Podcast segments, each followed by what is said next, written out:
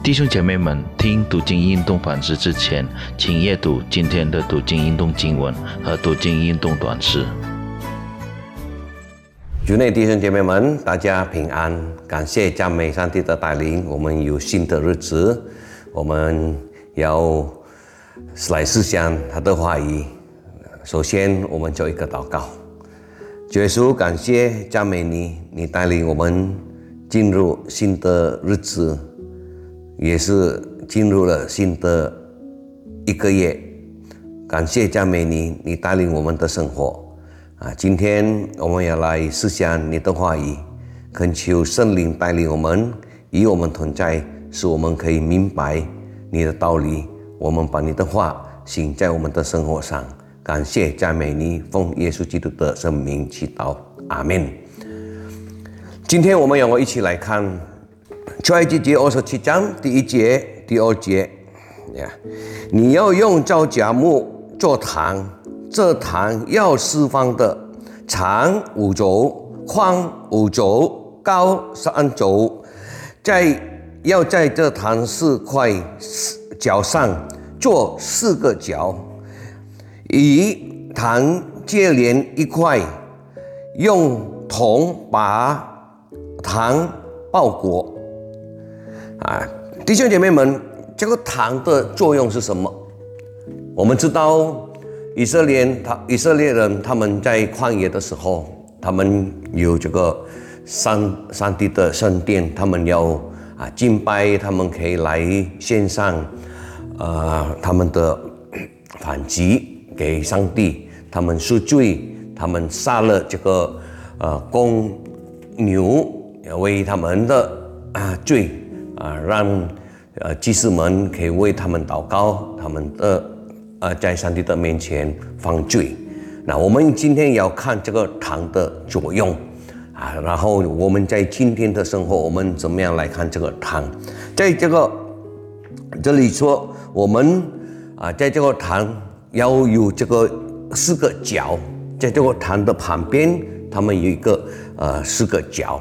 这个四个角的意思是什么？我们在呃创世呃出埃及记二十九章第十二节也可以看到，你看这里讲，你们啊以色列人要取血公牛的血，用指头抹在糖的四角上，所以结果他们杀了这个公公牛，公牛的血要把它抹在这个啊这个角。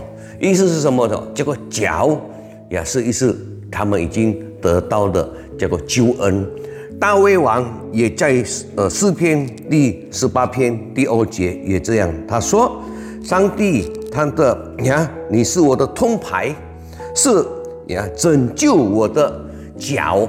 啊，这个脚是每一次跟这个有拯救救恩的啊意思。所以我他们在他们。”进这个圣殿的时候，他们刚看这个堂，他们要纪念这个堂，因为他们来献上这个反击给上帝呀，为了什么赦他们的罪啊？现在呢，我们怎么样看这个堂？我们去教会的时候，我们现在在教会，我们没有这个堂，我们不用每次要杀这个公牛为为我们啊赦罪。为什么？因为耶稣基督。已经为我们牺牲，耶稣基督是我们的羔羊呀！耶稣基督代替我们，你看他死在十字架上，所以耶稣已经成为我们的呃救恩呀，救赎主啊！所以我们每一次来到教会的时候，我们看十字架的时候，好像就业的人看那个堂的时候，跟他的脚要他们纪念。他们这个他们的罪，在这个坛的上面已经烧了这个呃公牛，已经为他们的罪啊 被赦免。那弟兄姐妹们，我们今天你进教会的时候，你们有怎么样的态度？你们看十字架的时候，你们有没有感恩的心？感谢主，因为主耶稣已经为我们牺牲。然后我们去教育的时候，我们有没有这个尊重上帝的态度？上帝存在，上帝的存在，他在他的圣殿里，他在教会呀。我们来到教会，我们有没有准时来教会？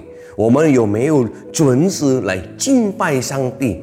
我们听到的时候，我们赞美他的时候，我们唱诗歌的时候，我们有没有认真的用我们的从心里唱出来赞美他？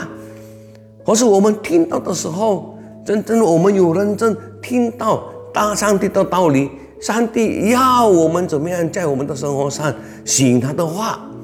或是你看，你正在听到的时候，你开你的手机，啊，你发短信，你看这个视频，啊，你没有真正的关注上帝的话。牧师正在讲道的时候，我们也没有真正的去听，好好听。所以弟兄姐妹们，我们要尊重上帝的圣殿，好像在这个创世纪二十七章，圣殿里面有这个堂，它的意思是什么？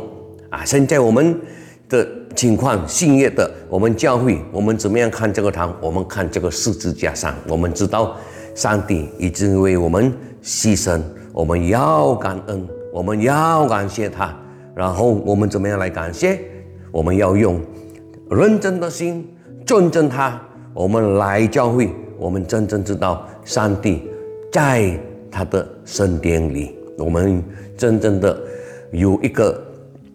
快乐的心来到上帝的圣殿中。礼拜天的时候，我们讲啊，我要到教会去呀。我们怎么样？不是单单来做听到回家，我们没有感受到上帝的恩典。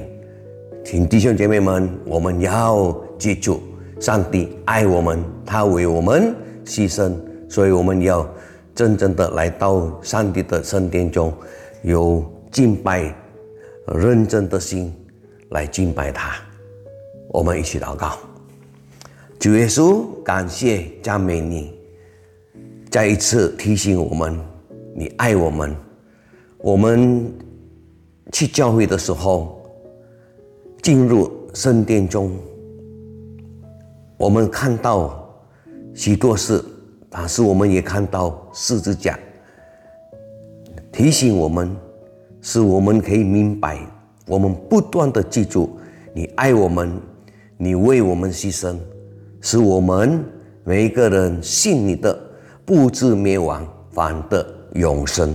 谢谢主，感谢赞美你，奉耶稣基督的圣名祈祷，阿门。上帝爱你们。